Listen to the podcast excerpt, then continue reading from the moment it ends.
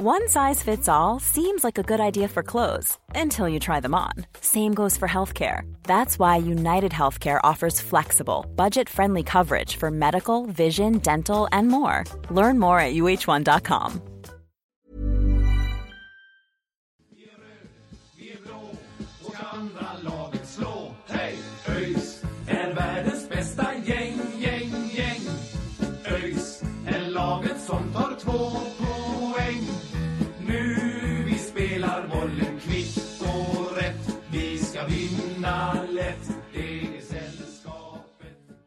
Då hälsar vi er eh, varmt välkomna tillbaka till ett nytt avsnitt av eh, Öjsnack. Eh, det var ett tag sedan, det var några veckor sedan vi har haft ett litet sommaruppehåll. Både spelarna och, och vi har haft det. Men nu är vi tillbaka, spelarna är tillbaka och idag så ska vi prata med en spelare. Det är Marcus Haglind Sangré som gästar podden igen för att prata om det som har varit under våren framförallt. Ja, det stämmer mycket bra. Eh, vi ska prata lite med, med eh, Marcus om hur han har upplevt vårsäsongen. Vi har lite tittarfrågor och ja, fem snabba och det, det, det vanliga sortimentet ungefär. Men det ska, bli, det ska bli väldigt kul för att vi har ju inte snackat med en spelare riktigt efter den här perioden som har varit nu. Så det ska väl bli spännande att se hans synvinkel på, på vad som har hänt i år. Och så får vi väl eh, kanske höra hur han har haft det på semestern också. Vi, vi är ju inne på, precis som spelarna är på lite semester så har vi vår årliga, eh, vår årliga fotbollssemester nu liksom. Där vi lägger allt åt sidan och spenderar tid med familjen. Det har vi inte tid med annars för det är så mycket fotboll hela tiden. Skämt åsido. Så ska det bli jättekul att snacka med, med Sangré. Ja, nej men det, det, ska bli, det ska bli intressant att, att prata med Sangré. Eh, vi, vi ska väl säga det, vi, nu kommer ju nästa match här. Nästa tisdag blir det ju mot, mot Jönköping då serien startar igång. Och innan dess så ska vi ju komma med ett litet uppsnack inför hösten kan vi ju säga då. Och det blir ju då de, ja, till att börja med de första två matcherna då. Eh, som är Jönköping och Örebro. Eh, och sen, eh, sen flyter det på som vanligt eh, i vanlig ordning med podd varannan match och förhoppningsvis lite intervjuer längs vägen. Så eh, det är det som gäller inför hösten. Men nu, nu går vi över på Sangré.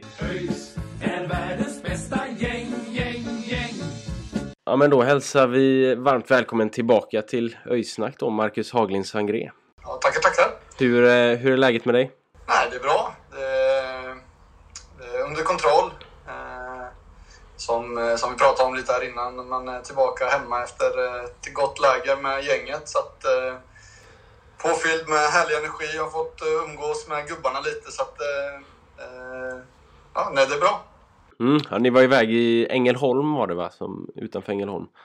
Eh, var, det var ett par, två dagar eller? Ja, fredag till söndag. Mm. Och eh, vad har det varit? Mycket fotboll eller mycket fokus på teambuilding och sådär? Eller vad är det som har... Nej, det har väl varit lite både och. Kanske inte så mycket... Alltså teambuilding blir det ju med att man umgås tätt in på varandra mycket. Men vi har inte haft så mycket övningar eller sådär. Utan det har ju mer varit, varit att få umgås med varandra. Eh, men mycket fotboll har det varit också. Vi har haft eh, pass där eh, på en plan. Minns jag inte exakt vad det hette där. Men, nej, så att vi har ju tränat lite och så umgåtts lite. Mm, mm. Ni hade någon dag innan där ni var på någon sån här teambuilding grej va? Med, med lite spel och sånt där. Lite olika, typ Fångarna på fortet variant eller något. Ja, precis. Eh, Team Tastic hette det där. Det var riktigt skoj faktiskt. Att, Ja. eh, eh, rekommenderas till alla som vill eh, testa på något med Ja. ja. jobb eller ja, övrigt. Ja, jag, jag har varit där en gång också. Det var faktiskt kul, tycker jag. Mm. Det ska, Eh, väl, ska väl finnas någon video uppe på någon ÖIS YouTube där också om jag inte är helt fel ute där man kan, kan kolla in lite av den dagen som ni hade där. Ja, Eh, så är det säkert. Vi hade en eh, kille som följde med oss och följde- filmade lite så att eh, eh, kan vara skoj att kolla på också kanske. Ja men det får vi, det får Vem vi det? rekommendera. vi- vem var det som vann då? Eh, det var ju Anton Andreasson, Sixten Molin. Eh, jag tror det var Hampus Dahlqvist i det här laget och Elias Gustafsson. Så att, det, Anton hade satt ihop lagen där. Det var också han som var ansvarig för aktiviteten så att man kan ju tycka att det kanske var lite korrupt. Ja, ja, Ja. Han håller, han håller lite flyt nu, eh, Anton. Han var väl väldigt bra med på de här eh, Cooper-testerna som ni gjorde. Han har bra lungor. Ja, precis. Han är Teamtastic och, eh, och lite löptest. Där är han, där är han on fire. Så det bådar väl gott inför vad som komma skall. Ja, helt klart. Eh, Men, men ni har haft ett par veckors semester eller sådär. Vad, vad gjorde du under semestern? Eh, när jag och, sambon åkte iväg till eh, Grekland och fick några dagar där. Eh, och annars så hade vi ett program, ett träningsprogram där att följa som man har ändå hållit igång. Men eh, det mesta har ju varit att få koppla bort lite. tror jag de flesta i laget ville göra. För vad som har, hur det har gått tidigare under året. Så, så att de flesta ville nog Och sen dessutom nu när man inte har fått resa tidigare så blir det väl som alla andra att man, man vill åka och få lite värme på sig. Mm, precis. Det kan väl vara ganska nyttigt också, liksom mitt i en säsong, att ändå få en liten paus, som du säger, och komma bort lite från, från allt som är liksom. Är det, är det din känsla också att det blir liksom skönt med ett litet break mitt i för att förbereda sig för resten av säsongen? Ja, men helt klart. Så är det ju. Eh, så att eh, det här uppehållet kommer ganska lägligt får vi väl eh, hoppas nu och bara se fram emot. Och, så att hoppas vi att alla har påfyllda energidepåer och allting sånt. Mm. Ja, men lite som en, en nystart också med, med en ny tränare och sådär. Att man, man får det här uppehållet och får lite tid att jobba in det liksom. Eh, tycker jag det känns som att, att det, liksom, det kommer ganska lägligt på det sättet också. Ja, nej, helt klart. Eh, nu i, i, det blir imorgon då när vi spelar in det här tror jag det är träningsmatch mot eh, Häcken för att kolla läget inför eh, återstarten då. Eh, hur är känslan inför den? Hur, hur, hur tänker ni där? Kommer ni liksom ge alla, försöka ge alla speltid eller hur, hur ser det ut där? Ja, det är väl inget utnämnt sådär om vilka som, eller hur mycket man kommer spela. Eh, utan eh, eh, det kan man ju bara gissa. Jag vet inte eh, heller hur jag skulle kunna gissa. Men eh, tanken är väl att man ska eh, ja, men få igång lite matchtempo innan det gäller igen så att säga. Så att, eh, det är väl ganska smart. Eh, och sen även att eh, man ger eh, eh, ett försök att ge Brynjar här med hans idéer och så även en match där det inte är på allvar att få testa lite och så.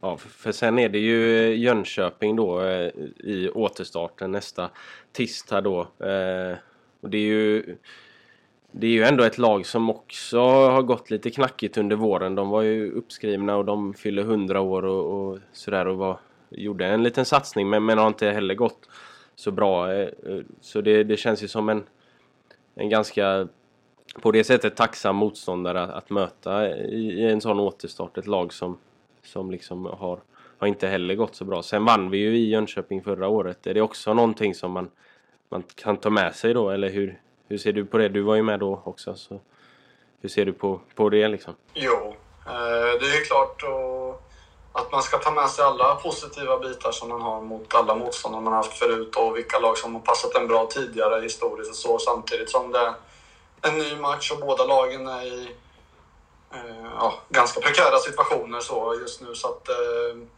eh det kommer ju såklart bli en tuff match oavsett vad som har hänt tidigare. Men eh, eh, vi, vi har pratat väldigt mycket om det nu och inte minst nu när vi var iväg på lägret att eh, hela tiden bara ta en match i taget. Så att, eh, oavsett vad som har hänt tidigare så, så tänker vi på hur vi ska eh, ta oss an Jönköping den här gången bara. ÖIS är världens bästa gäng, gäng, gäng.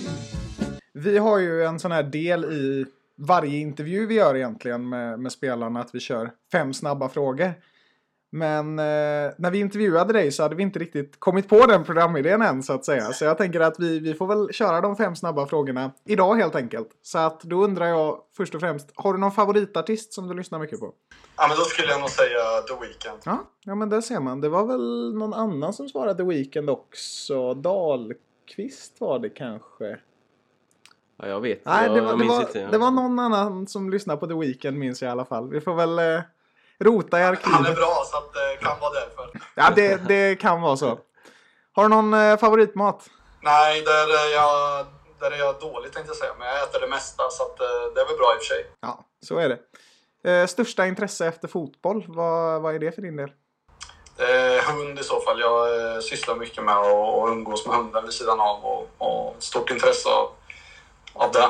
Ja, ja, men det låter trevligt. Hur, hur länge har du haft hund då? Hon är fyra då, men jag har alltid växt upp med hundar och så i min närhet när jag var yngre. Så att, eh, det är min första egna tillsammans med tjejen, så att, eh, det, det är roligt.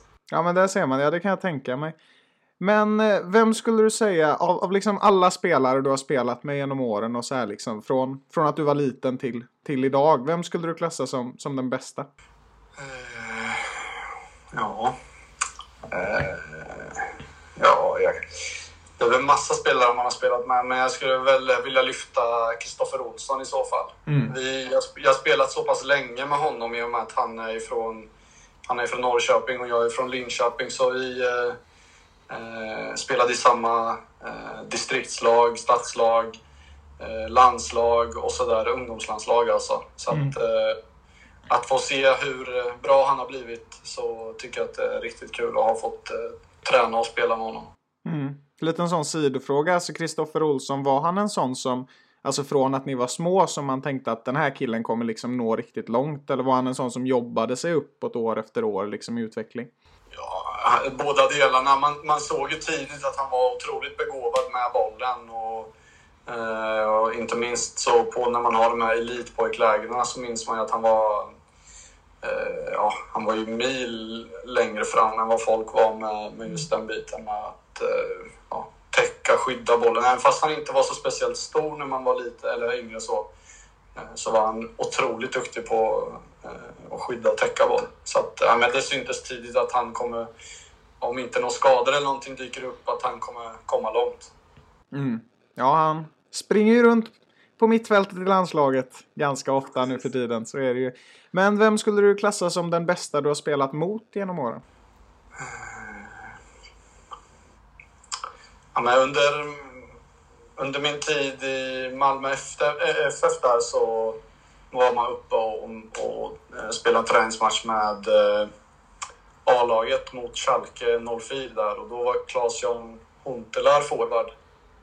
Han var ju ganska duktig då tyckte jag så att eh, det får jag nog säga. Han, han är bra. Ja, det är ju en ganska klassisk spelare om man ser till både Schalke och, och Holland. Det är en jobbig anfallare att möta kan man tänka sig. Särskilt när man är back.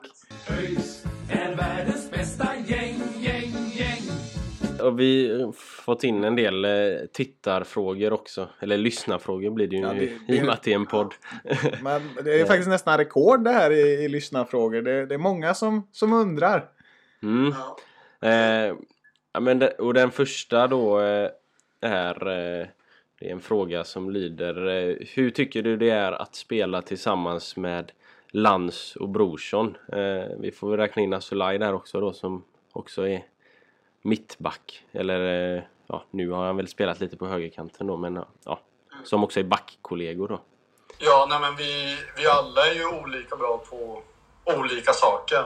Eh, eh, så vi, vi har ju sagt eh, redan tidigt på säsongen, vi är ett team, alla, alla försvarare, alla mittbackar eh, tillsammans. Så att, eh, sen nu har vi väl fått någon liten annan fördelning med tanke på att vi gick från tre till, till två mittbackar nu då. Eh, så att, eh, men det är olika att spela med allihopa. Och, inte minst eh, Lantz med tanke på att han är vänsterfotad så ger ju den en annan säkerhet för en annan Och veta när man, eh, om man spelar till höger om honom att eh, hans bästa fot är vänster och så vidare.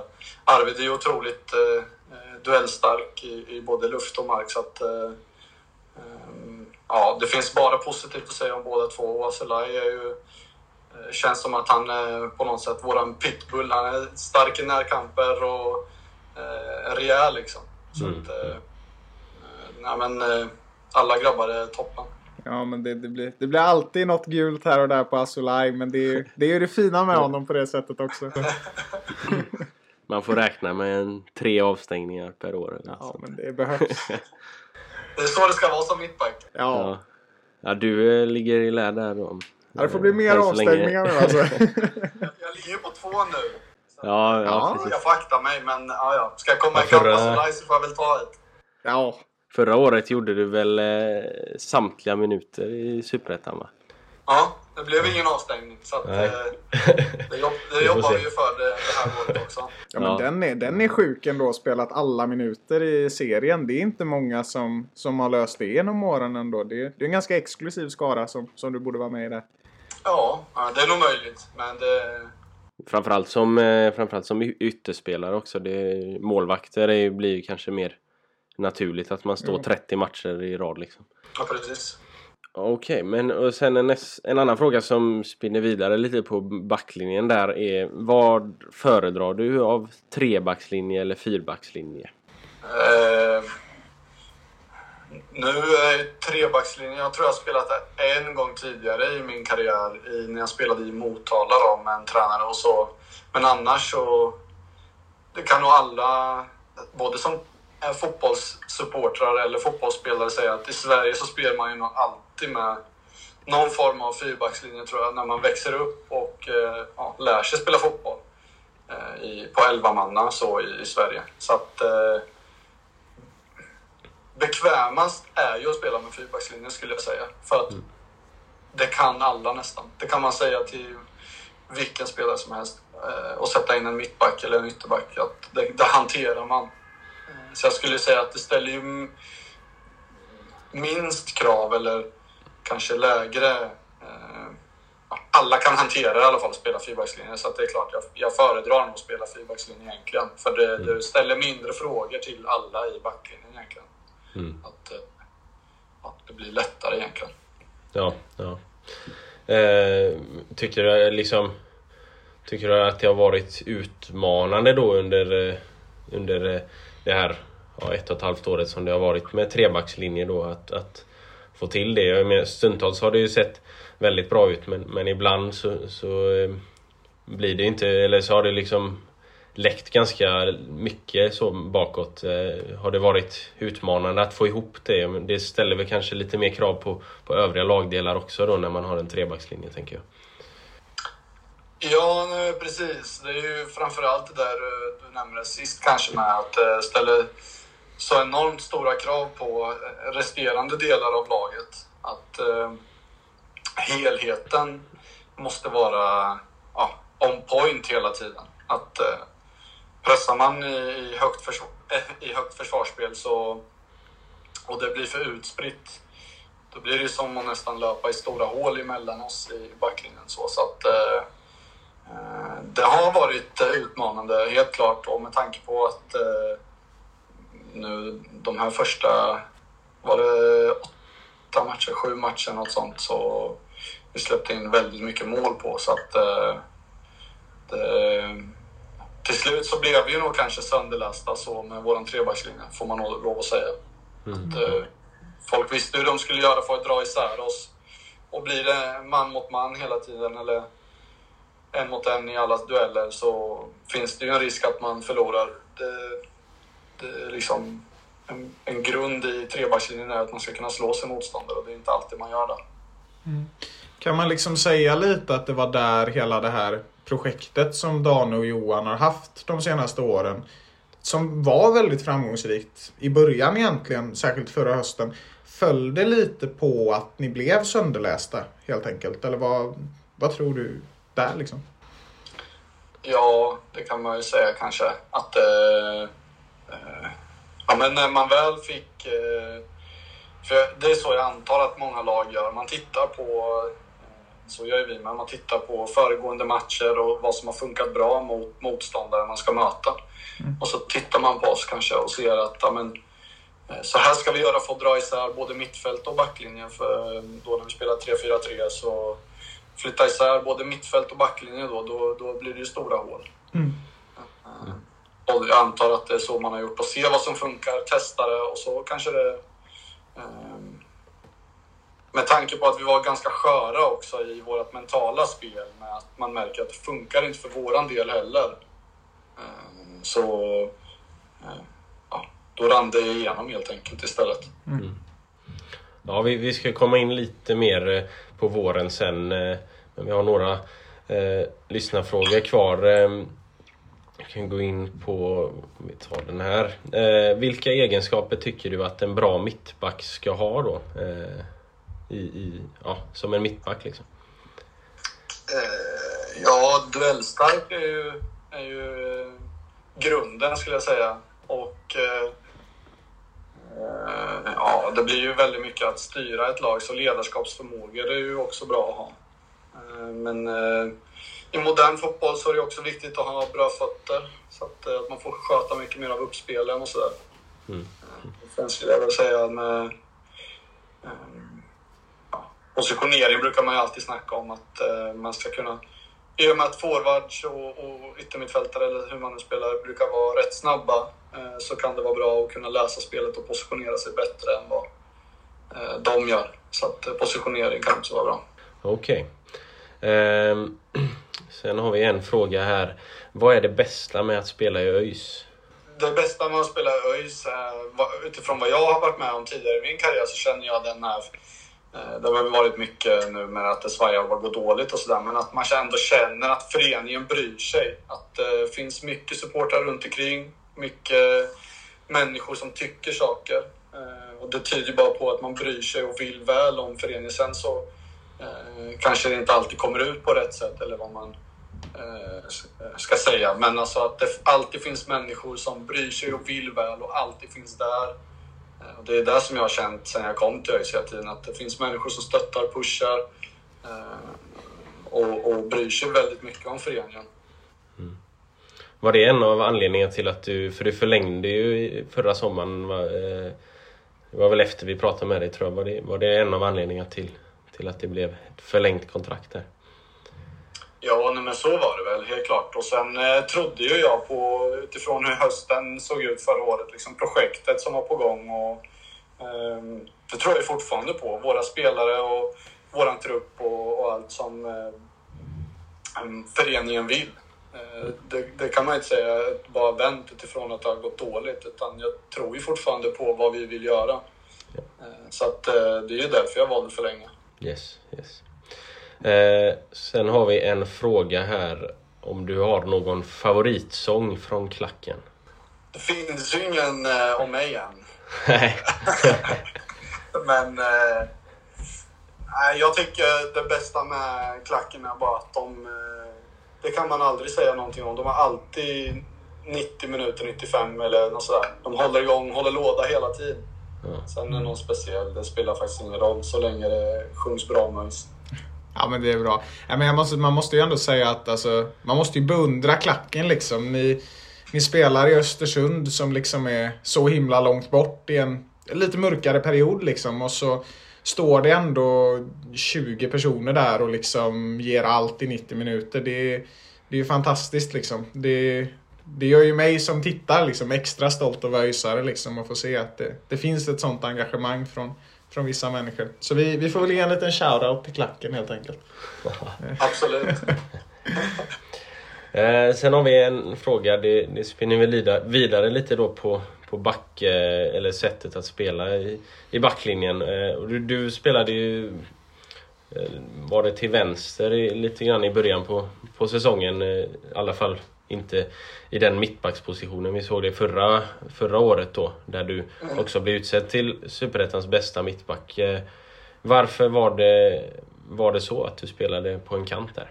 Eh, nej, men jag och Dan pratade väl lite om det då med att eh, han gillar ju mitt sätt att eh, behandla bollen och ta fram bollen och mina offensiva kvaliteter i det med att styra upp spel till exempel. Med att hitta motståndarnas svagheter i, i deras försvarsspel.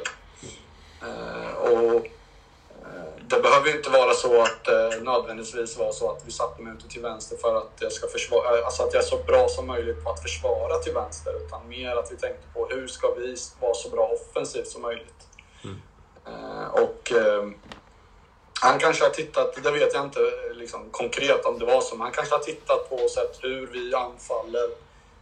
Att det kanske eh, finns fler öppningar till vänster eller på något sätt i trean då.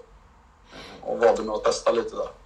Ja. Hur Men, känns, men sen kan jag säga personligen att jag tyckte att jag var sämre på att försvara till vänster. Så att det blev ju lite sådär Mm. kontra liksom att eh, vara bra offensivt. Ja men precis, det var lite det jag tänkte på frågan nämligen. Alltså hur kändes det för dig att liksom, nu när du liksom sa att det kanske inte kändes lika bra, var det liksom, Kändes det lite jobbigt att vara på den positionen som du kände att dina kvaliteter kanske inte kom fram på helt rätt sätt liksom när du spelade så? Eller hur, hur upplevde du det? Ja, eh, jag tänkte väl mer att jag ska göra mitt bästa för varje match som eh, jag spelar ungefär. Men eh, och det, man, man tänker ju så att man gör det bästa för laget. För att alltså, det är tränaren som tar ut laget och tränaren bestämmer vem som ska spela vart ungefär. Eh, men sen eh, om man tittar bara på mig, vad jag har gjort hela min karriär så är det ju att spela centralt. Jag har varit central mittfältare, central alltså back. Så att, eh, att försvara från en kant eller så längst ut, det har jag ju aldrig varit eh, ja, i naturliga positioner att göra egentligen. Så att, eh, då, då tror jag man förlorar mig lite där egentligen. Ja. Eh, sen har vi ett par frågor till där. Eh, då har vi en fråga. Idol när du var liten, hade du någon som du såg upp till? Ja, Jag gillar ju Sergio Ramos. Det är min gubbe. Det är gött. Ja, men han, är, han är fin. Ja, Köttar ja, det är alltid. många, många eh, som tycker illa om honom, men det är nog för att eh, han är bra. Ja, precis. Ja, men det finns ju ändå en charm med Sergio Ramos känner jag. Liksom. Man kan bli riktigt irriterad på honom ibland, men han, han kör sitt race liksom. Precis. Han har ju några, några kort fler än dig än så länge så du får... Ja, precis. Vi får lägga upp någon sån statistik där vi liksom ser hur vi ska... Ja. ja, det är nog svårt att inte göra det tror jag när vi pratar Sergio Ramos. Det är väl Peppe möjligtvis då som, Ja, som kan, kan matcha. Ja. Eh, sen har vi en, en fråga. Jag tror väl det, det är väl din eh, fystränare som har skickat in det här då. Eh, han vill att du ska prata lite om fysträningen vid sidan av. Vad, vad är det... Du tränar med, med han... Eh, heter han Kim? Kim Nilsson? Tim, eller? Tim Nilsson, ja. Ja. Ehm, vad, vad är det där ni, ni har liksom eh, eh, fotbollsträningen med ÖIS och sen så sköter ni fysträningen lite vid sidan av eller är det extra eller hur, hur ser det ut där? Ja, det finns ju en fysträning såklart inbakat i träningen med ÖIS. Mm. Eh, Men för min del så har jag ju tidigare alltid tänkt att eh, alltså jag har lagt väldigt stor vikt på att träna fysiskt i gym eller sådär tidigare och, och nu var det väl mer att jag kände att nu hamnar jag på övre 25 här. Eh, Så att eh, då kanske man ska lägga lite mer fokus på att vara hållbar som i sitt idrottande. Eh, Och då så hörde jag av mig till Kim, för jag såg ju att han, han är både driven och vill framåt med sin business och sitt idrottande så i, i form av att hjälpa fotbollsspelare.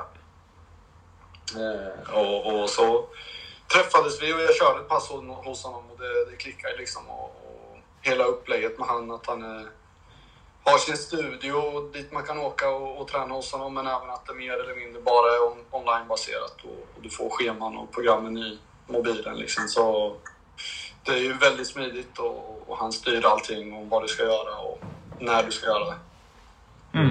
Så att, eh, det är väl så det funkar egentligen. Han, han, eh, han eh, formar min kropp. Ja, det är bra. Ja men det, det känns som, det kanske skiljer sig lite där från fotbollen. Vi kommer ju från friidrottsbakgrund. Då har man ju liksom en tränare som sköter hela. Men fotbollen känns ändå som att det kan vara bra att ha en fystränare som följer en över längre tid med tanke på att det, liksom, det sker förändringar inom Dels så, så är det ju så att en fotbollsspelare byter ju klubbar och, och sen så byter, byts tränaren inom klubben och sånt. Så man har en fystränare då som har koll på fysträningen under en längre tid känns ju som, som någonting vettigt som har liksom koll på vad som har gjorts och vad som ska göras. Så, så att man får en långsiktig utveckling för en, en tränare, en vanlig fotbollstränare kanske bara vill ha en, eller vill ju ofta ha snabba resultat och sådär. Ja, precis. De vill ju mer eller mindre bara ha slutprodukten, liksom en bra Mm. spelare. Ja, Eh, eh, Så att, eh, nej precis. Jag tror, jag tror väldigt mycket på det, det, just den biten med fysträningen utanför fotbollen. Och det är ju, det är ju många andra som gör det också. Och Det är ju bara att följa andra, andras exempel med ja, inte minst Cristiano Ronaldo är ju någon som väldigt mycket stoltserar med vad han gör utanför plan och sådär. Så Mm. det är ju bara att, att se och lära och försöka och kopiera så mycket man kan. Ja men Ja, men precis. precis. Det är ju så det är. Alltså, det känns ju som att den fysträningen som liksom vi är vana vid skiljer sig ganska mycket från, från fotbollens fysträning. Det, det är väl svårt att svara på för din del liksom. Men eh, alltså hur mycket fys kör ni till exempel inom ÖIS och sådär? Eh, menar du rent gym då bara? Ja, ungefär. Alltså gym, löpning, vad som liksom. Löpning är ju ganska mycket. Det blir ju inbakat i fotbollsträningen. Mm. Alltid med smålagsspel eller sådär. Så att det blir ju intensivt. Men annars om man tänker ren fysträning, gym och så, så finns det ju alltid tillgång till på ÖIS-gården. Eh, och där är det ju lite mer individuellt. Men om man tänker rent ÖIS-mässigt så kanske det är två, två gånger i veckan eller så. ÖIS är världens bästa gäng, gäng, gäng. Jag tänker att vi, vi kanske ska gå över lite nu. Jag tror vi har slut på, på lyssnarfrågor nästan där. Eh, jag tänker att vi ska gå över och snacka lite om den här vårsäsongen. Och det, alltså, det har ju varit en vår där det liksom ja, men inte har gått riktigt som, som någon har velat. Liksom. Och det finns ju många olika anledningar till att det kan bli så. Det var ju det har ju känts som under våren liksom som att det är, det är perioder i matcher där det ser jättebra ut. Och det är liksom, alltså vi minns ju första halvlek mot Halmstad. Alltså som, som, från det vi såg så såg det ju fruktansvärt bra ut liksom och det såg ut som att vi hade något riktigt stort på gång. Vad, vad tror du det handlar om liksom att det, de här genomklappningarna kommer ibland liksom när vi har släppt in ganska många mål på en halvlek från att ha gjort en första halvlek där det ser ganska bra ut. uh, ja, jag vet faktiskt inte, men eh, man kan ju bara, samma sak där, man kan ju bara gissa eller säga vad man tror ungefär, men uh, Eh, så otroligt eh, komplext ju med, med tanke på att eh, om man bara drar en liten snabb parallell till typ eh, Dalkurdsmatchen nu senast, att eh, sån här, eh, en måste-match på ett sätt kan man ju känna när vi ändå ska gå på uppehåll och så att eh, första halvlek känns ja, tryggt och stabilt. Eh, och vi har ett bra snack i halvtid, så har alla sagt och vi försöker utvärdera och säga vad vi ska göra mer av. Men att eh, det är ju så enskilda händelser som sta- startar typ en, en våg nästan. Eh, och det är ju det där med eh, att komma ur det. Vi behöver ju, vi behöver ju fler eh, i, i eh, inte i, kanske i personligheten, utan vi behöver vara lite mer cyniska själva. För det känns som att serien är otroligt cynisk. Även om det är så att vi kanske styr en match så kan det räcka med en, eh, ja, en hörna, tror jag det var nu senast. Och så var det olycklig styrning och, och 2-1 och sen fallerar allting. Så, ja, vi får börja mer med att eh, försöka att bli mer cyniska själva. Att bara stänga en match. Står det 2-0 behöver vi inte göra 3-0. Är det liksom, tror du att det ligger mycket mentalt i det där att liksom det har gått nu om vi tar mot Dalkurd exempelvis så, så har det liksom det har gått emot er innan och att man blir liksom lite rädd att, att tappa det snarare än att man är säker på att man ska hålla det liksom. Ja, nej det tror jag. Eh, hade det varit vår första match typ mot Halmstad, sen... Eh, Halmstad gjorde väl mål i, vad kan det ha varit, 85 minuten eller något sånt. Deras 2-2 mål. Så det känns som att det har förföljt oss hela våren på något sätt. Eh, med de här grejerna, att eh, vi har haft mycket otur. Eller eh, bara inte varit tillräckligt bra helt enkelt. Men det beror på hur man väljer att se på det. Men samtidigt så... Ja, man, man skapar sin egen natur på något sätt. Det är där vi får börja att göra nu. Det blir någon slags omstart som ni har sagt. Att eh, Vi får börja att tänka att serien börjar nu ifrån Jönköping och så är det 20 finaler. Eh, och, och så får vi ta så många tre poängar utifrån det som möjligt. För, Det, det, ju- få- alltså, all idrott, man brukar säga 50% sitter i skallen, men jag tror det, det, det känns ju som att för våran del har det varit nästan 70%. Eh, Ja. Att, eh, otroligt sköra och känsliga för motgång ungefär. Ja, precis. Ja, men det, alltså, det är ju något...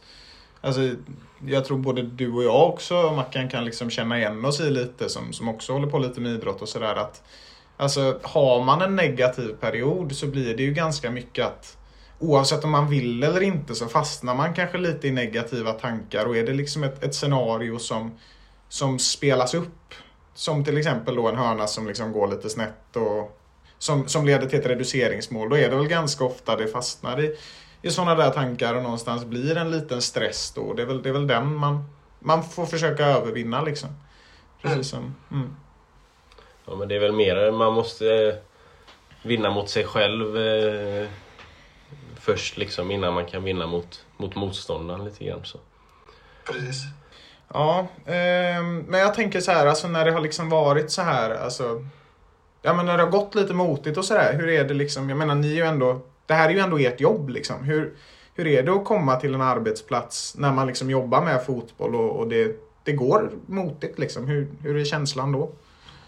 Ja, det, det är ju så konstigt för man känner sig inte som en dålig fotbollsspelare även fast resultaten är ju det man baserar det på. Mm. Men man vet ju fortfarande vad man kan och vad man tycker om sig själv som fotbollsspelare. Så det har ju varit väldigt konstigt att komma in och säga att vi har inte vunnit en fotbollsmatch på... Ja, nu är det ju tio matcher liksom. Så att, eh, det är ju en jättekonstig känsla. Eh, men sen att komma få in och göra det man älskar är ändå det. Det är ju liksom fotbollen vi brinner för allihopa. Så att vi vill ju bli bättre hela tiden. Så det har inte varit så att eh, det är dålig stämning eller att eh, ja, det på något sätt är huvudet neråt hela tiden. Utan vi har ju mer varit så, fan hur blir vi bättre? Hur vinner vi matchen? Vad behöver vi göra? Alltså bara hela tiden försöka analysera och bli bättre.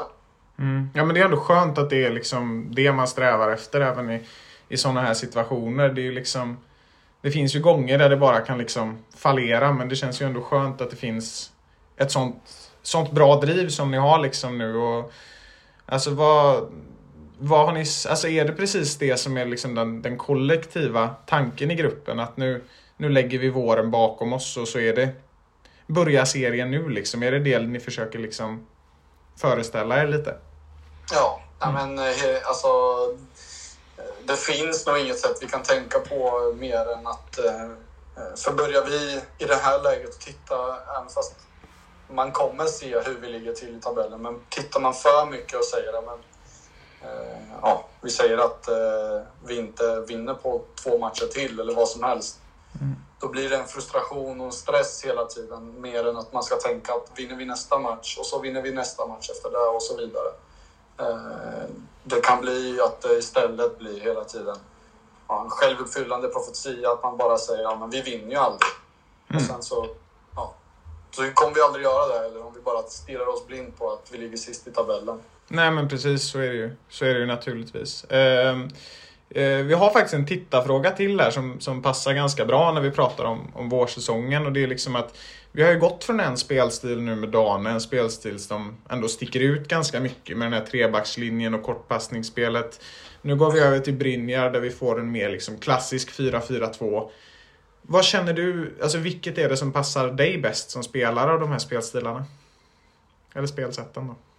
Ja, men eh, tid, som jag sa, jag tror att eh, för att få ut maximalt av mig så ska man nog spela i i en fyrbackslinje och så, så kanske man behöver inte spela 4-4-2, man kan spela 4-3-3 eller vad som helst egentligen. Men för att få ut maximalt av mig så tror jag nog att man ska spela i fyrbackslinje. Mm. Ja, men det... Och grunden är fyra. Grunden är fyra, ja men det, det, är väl, det är väl någonstans, alltså vår bild som det har varit under, under våren också liksom att det, det har märkts att det har varit lite för tunt där bak vissa gånger. Liksom. Det är, nu, nu är ju inte vi fotbollstränare liksom, men, men det vi har, av de slutsatserna vi har dragit så har det ju ja. känts så. Liksom. Men jag tänker alltså, det var ju ganska stormigt liksom ett tag inom ÖIS. Det var liksom, det var ju innan uppehållet så var det ju tränare som liksom som drog och Igor försvann ju också. Alltså, hur, hur på, man måste ju påverkas väldigt mycket av det som spelare tänker jag. Hur, hur, hanterar, hur hanterar du och ÖIS liksom alla de här bytena som blir? Ja, det får man väl koppla till att man är professionell fotbollsspelare. Att jobbet är att prestera så bra som möjligt för ÖIS. Eh, samtidigt så kan man väl säga. Jag tycker ju väldigt mycket om Igor, jag tycker väldigt mycket om Dan och Johan. Liksom, och det är ju kopplat till hur de är som människor. Mm. att, de har, att de har varit eh, schyssta och att de har varit eh, ambitiösa och, och velat eh, hjälpa en så mycket som möjligt eh, med deras kunskap och allt vad de ja, kan. Så det är ju inget att man tycker att eh, eh tycker illa om dem på något sätt. Utan det man har försökt att hantera det med, med är ju att eh, ja, man får ju vara nyfiken samtidigt. Så här, nu när Brynja kommer in då så kan det bli ett, eh, ett annat spelsätt som det har blivit och då så kanske det eh, går bra. Alltså det, det värsta som kan hända är att det går bra och det är ju alltid roligt att vinna fotbollsmatcher. Så det, eh, det är ju bara att tänka så egentligen tror jag. I alla fall för min del har jag tänkt så att det kan gå bra och det är ju inte tråkigt. Nej men precis, det är alltid en fördel. Men jag tänker liksom att när, när det försvinner folk från ledarhåll mycket sådär, blir man tajtare som spelargrupp då liksom? Alltså, när det förändras och ni någonstans ändå är kvar liksom, eller vad man ska säga. Jo, nej, men eh, sen så var väl vi ganska tydliga med också att vi inte ville skapa någon sån här vi eh, och ni-känsla när Brynja kom in. Att eh, han på något sätt ska jobba i motvind, utan vi vill ju att det ska gå bra. Mm. Men så att det är klart man blir man blir tajtare som grupp blir man ju såklart av att man får eh, säga vad man tycker mycket mer om sådana här personliga saker. Om vad man tycker om en person eller om situationen. Så att eh, det blir man ju. Vad, eh, vad, vad är din första liksom, syn på, på Brynja nu då? När jag ändå tränat det var väl ett par veckor innan uppehållet och så nu någon vecka här med, med lite läger och sådär. Hur är din syn på, på det sättet Brynjar vill, vill spela fotboll på? Ja, nej men eh, han, han skiljer sig nog mer på det sättet att han inte...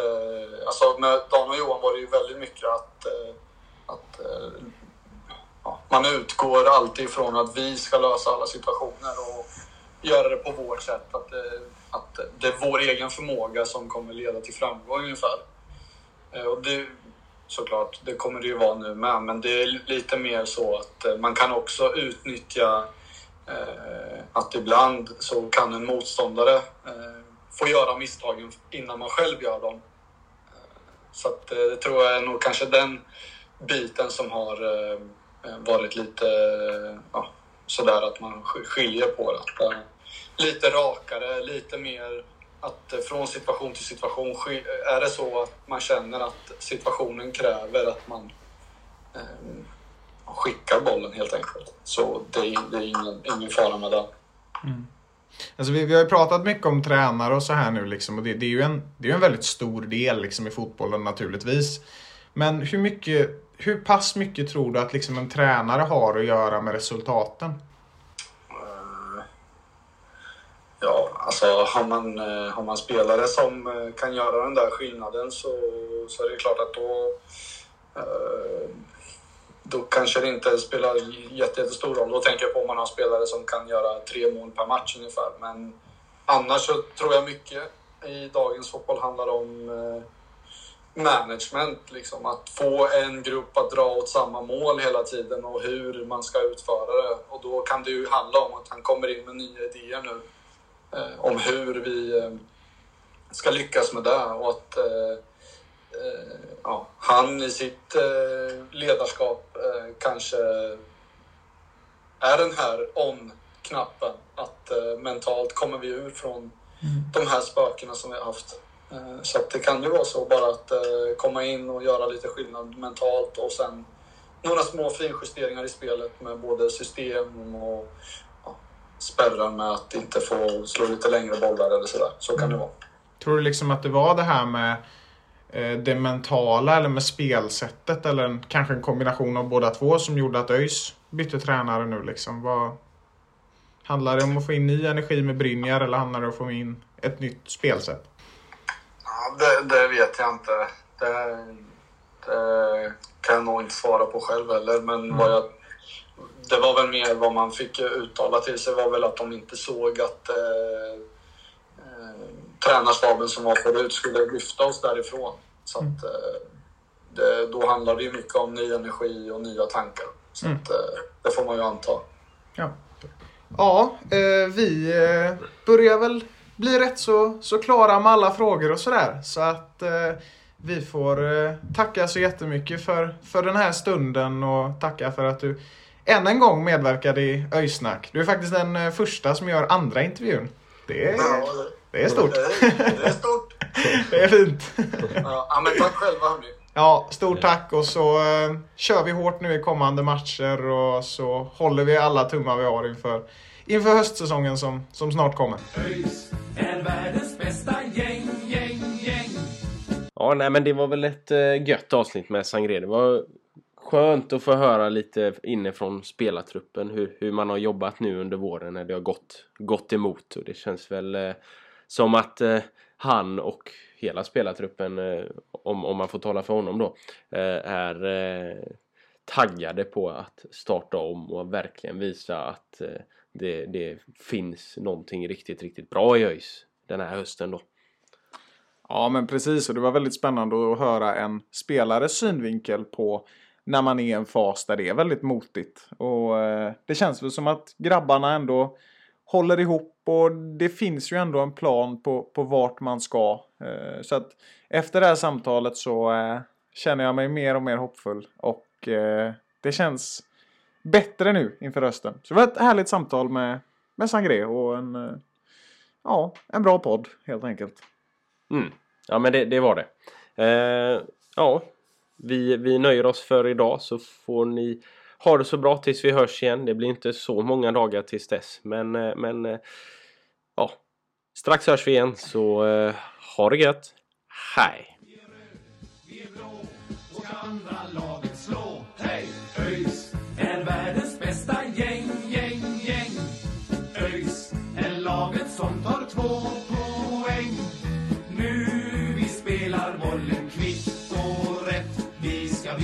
Vinna